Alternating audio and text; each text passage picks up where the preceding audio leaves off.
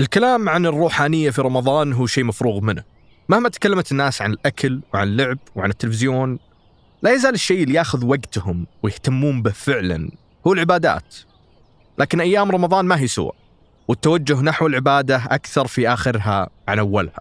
الله يا العشر الأواخر من القراءة من الدعاء من الإحساس ب...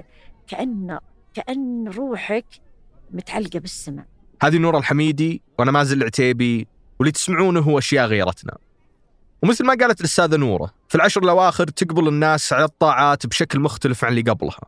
وهذا الإقبال يبدأ بتقليل أهمية الأشياء الثانية مثل السحور زي ما يذكر الأستاذ عبد العزيز المتحمي السحور أصلا خلاص سبحان الله يعني من الأسبوع الثاني الثالث آخر رمضان يصير خلاص ما عاد في سحور هو اللي بقي من الفطور تروح تتسحره هالحين أنتم يا العجازين لا تقولون ملينا. يعني أنا عندي عيالي قبل ما يخلص رمضان رمضان. ترى أنا ملينا من ذا أنا ملينا من ذا لا تسطون وبغض النظر عن اختلاف النظرة بين الأجيال الكل يتفق على التغيير الأهم بالعشر الأواخر واللي يبدأ من ليلة العشرين من الشهر رمضان اللي هي يصير تغير جديد إنهم يصلون صلاة القيام. هذه أول البدايه طبعا. أه، حتى الأطفال في الشوارع ذا قد يستغربون. أطفال سمعوا من آبائهم وأهاليهم إنه ترى اليوم بيصلون قيام لكن في أطفال طلعوا للشارع ما ما كانوا يدرون. فيستغربون إنه والله الساعة ثنتين أو الساعة واحدة واحدة ونص كذا بدأت صلاة قيام.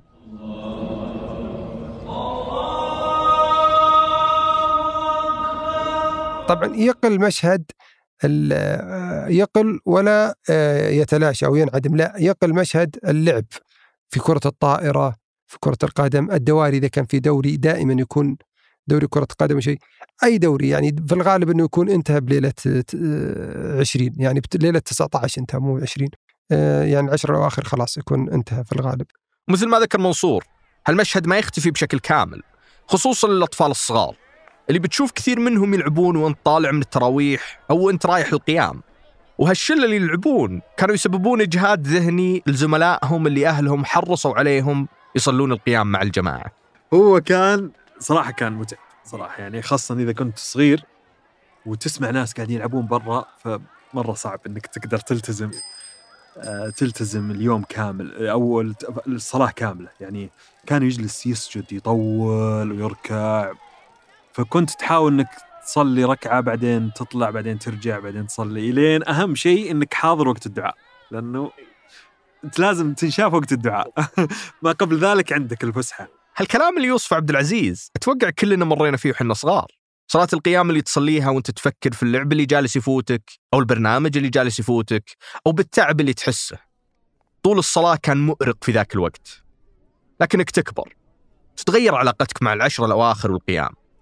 ساعة الصلاة اللي كنت تشوفها أبدية وما تنتهي تصير سهلة ونادرة. شيء تنتظره السنة ورا الثانية وتتحسف إذا فاتك. وهالشعور تشوفه خلال رمضان كامل بس في العشر الأواخر بالتحديد. شعور اللهفة والاستعجال على أعمال الخير من الكل. خصوصا أن العشر الأواخر فيها الليلة اللي أجر العبادة فيها يفوق أي ليلة ثانية ليلة القدر. فتجتهد الناس الليالي العشر لعل وعسى يوافق اجتهادهم هذه الليلة. صلاة القيام طبعا ما هي الشيء الوحيد. كذلك في العمرة اللي كثير كانوا يحرصون عليها بالعشر الأواخر. وهالكلام ينطبق حتى على الفترات الزمنية القديمة اللي السفر فيها كان صعب. اللي ياخذ عمرة في رمضان هذا محظوظ. يكون ربي ييسر له. إيه. في ناس فاصات ناس سياراتهم ناس طيارة على حسب ظرفك على حسب ظروفك. بس إن العمرة معروفة أنها في رمضان شيء الواحد ينبسط. أو يفرح أنه حقق هالأمنية اللهم اهدنا فيمن هديت وعافنا فيمن عافيت وتولنا فيمن توليت وبارك لنا فيما أعطيت. أنا أنا قعدت فترة من الفترات أروح كل سنة لدرجة أمي أنا عندي ولد توحد فأنا ما أقدر آخذ الولد التوحد آخذ كم سنة؟ يمكن عشرين سنة. بعد ما ماتت أمي يمكن رحت مرة أو مرتين بس مو بزيهم حياة أمي كنت أقول لها أروح أنا وأنتي؟ تقول لا أنا بقعد عند ولدك وأنت روحي. والعمرة ما هي الطريقة الوحيدة للاستئناس ببيوت الله؟ الآ- العشر الأواخر كانوا يجون ناس من أماكن بعيدة يعتكف في المسجد عندك مسجدك اللي في قريتك. فكنت تج... ت- يعني المسجد عندنا كان كبير شوي ومسجد أثري قديم جدا وكبير يعني كبير حجمه. فكانوا يجون ناس من برا آه، يعني خمسة ستة إلى عشرة أشخاص معاه ملابسه معاه شغله معاه آه، مصحفة معاه آه، كل شيء ويعتكف في المسجد العشر الأواخر كلها كاملة. ما يكلم أحد ولا شيء يجلس يعتكف. من يوم يصحى إلين ينام. كانوا حتى في يسمونه مكان اسمه منزالة. منزالة غرفة ملحقة بالمسجد عادة. هي للشخص اللي ينزل المسجد. فكانوا ينزلون الأماكن هذه إلى إلى الآن موجودة بس إنه خلاص ما عاد صار فيه ناس كثير. ينزل ينام في المنزالة هذه. وبعدها خلاص يحضر كل الصلوات تذكرهم كل الصلوات يصلون معنا كنت تدخل مثلا بعد العصر تلاقيه وزورا طيب هذا الشخص اللي يعيش هالعشر أيام بالمسجد كيف كان ياكل ويشرب؟ هذا يقودنا لعبادة ثانية تكسر بها الشهر الصدقة. وهالعبادة ظاهرة في عادات رمضانية كثيرة. مثل؟ الفطرة عادة كل مسجد في في قرية يصير له تبرعات. يجي السنة هذه يقول والله فلان أنا أتبرع بال- بال- بالزرع الفلاني فطرة لمسجد المسجد القرية. معناتها أي منتوج خلال السنة هذه سواء قيض ولا شتاء أنت بتحطه في المسجد. على أساس تفطر فيه الناس والأطفال الصغار في وقت رمضان. فعابر السبيل يجيك يفطر في المسجد. من من تبرعك هذا. وفي نفس الوقت الأطفال الأطفال إلزامي أنهم يأخذون الفطرة من المسجد. كذا ما أدري ليش بس لازم لازم يجون أطفال صغار أولاد وبنات كانوا يصفون صفين. و خلينا نقول شيخ المسجد نفسه معه الفطرة، الفطرة وش هي أصلا؟ تمر يعني مرات تمر مرات إذا فيه إذا فيه ال- الرجل اللي أوقف آه، بر ولا شعير ياخذ جزء منه للبيت يسوونه خبز ويحطه في المسجد على أساس يجون يفطرون الناس. بس اللي يختلف في العشر الأواخر هو إن في شكل محدد من أشكال الصدقة تبدأ تظهر بوادره زكاة الفطر. وهذا حاضر إلى الآن. تبدأ يعني آه، أكياس الرز يعني تنتشر على ال- الميادين والأرصفة على أساس أن الناس يعني تشري زكاة الفطر وتوزعها. طبيعة الحال الزكاة نفسها ما تتم إلا في آخر يومين من الشهر وبالعادة في ليلة العيد. لكن مثل ما ذكر منصور العالم تبدأ تجهز لها في العشر الأواخر. وهذا التجهيز ما هو بس للزكاة هو لكل شيء يتعلق بعيد الفطر. يميز العشر الأواخر طبعا آه، أنها تمتلئ المساجد وتمتلئ كذلك الأسواق. فلذلك يقول لك أنا دار دنيا وآخرة. الدنيا بعد الفاصل. امتلاء الأسواق طبعا العيد قرب والناس يعني آه، تتبضع للعيد يعني. بجانب العبادات في العشر الأواخر روتين السوق هو اللي يكسر أي روتين ثاني في الشهر. يقل اللعب والزيارات وحتى الطبخ لأن الناس جالسة تشتري أغراض العيد. الكلام عن الأسواق وزحمتها يصير هو محور الحديث الأساسي خلال هالفترة. ولذلك يتزامن دائما مع العشر الأواخر الكلام عن الفلوس. نقطة مهمة برضو أن الرواتب تنزل في تلك الفترة ب 25 رمضان. السبب على أساس علشان الناس يشتروا مثلا أغراض العيد تساعدهم على شراء هدايا العيد أو أغراض العيد. وهذا الروتين الصدق ما هو قديم مرة. يعني طبيعي أن الناس كانت تنتظر العيد من زمان وتفرح به وتجهز له. لكن النموذج الجديد للأسواق هو اللي يخلي العشر الأواخر فترة استنفار. قبلها كانت الخيارات أقل وأماكن شراء الملابس أو الأقمشة محدودة. وبعدين زمان كان في شيء اسمه فرقنا. فرقنا رجل يشيل الفافتن على ظهره ويجلس يدور يقول فرقنا قماشات فرقنا. يجي عند باب البيت ويصيرون الحريم قاعدين في الضحى زين؟ وينقي ينقون يشترون وبعض الأوقات يدخل في وسط البيت ويفك الفافتة ويشرون الناس منه. تخيلي؟ إي ترى ما كان في سوق. لكن الآن السوق هو الجزء الأكثر قروشة في العشر الأواخر. وبالنسبة للرجال القطعة الأهم هي الثوب. اللي لازم يكون تفصيل. الخياطين في الفترة هذه يكون وقت ذروتهم. طبعا لو تجي في واحد رمضان يمكن يقدر يستقبلك ويفصل. أحيانا وأحيانا يغلق الباب من 25 15 شعبان ما إذا كان عليه زحمة. لكنه في العشر الأواخر هو وقت التسليم وما هو وقت ال- التفصيل. يعني يستقبل أحد؟ لا ما يستقبل. في الغالب ما يستقبل. إلا يقول لك أستقبلك بس بعد العيد. يعني مستحيل إنه بيستقبلك ويفصل لك قبل العيد. لذلك ظهرت ظهر سوق ثياب التفصيل الجاهزة هذه. يكثر في العشر الأواخر شراء الثياب هذه. يعني لو تجي مثلا أي شركة وتسأل متى موسمهم موسمهم في العشر الأواخر. وزي ما قلت لك هو ما يت... ما يتم ما يصير في حركة في الموضوع. هذا الا اخر يومين في رمضان. تنزلون.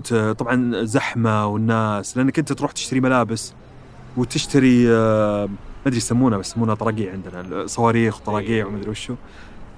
فشك آه، طراطيع. إيه. فتشتري هذه وتشتري هذه. فالملابس تشتريها من يعني كل اللي في أبها خاصة اللي في جيلنا واضح من فين بيشترون. يشترون من الأسواق الخيرية يسمونها. سوق الحناوي وما سوق الحناوي. آه، فيه كم كذا تروح تنزل تشتري لك شماغ وغتره و...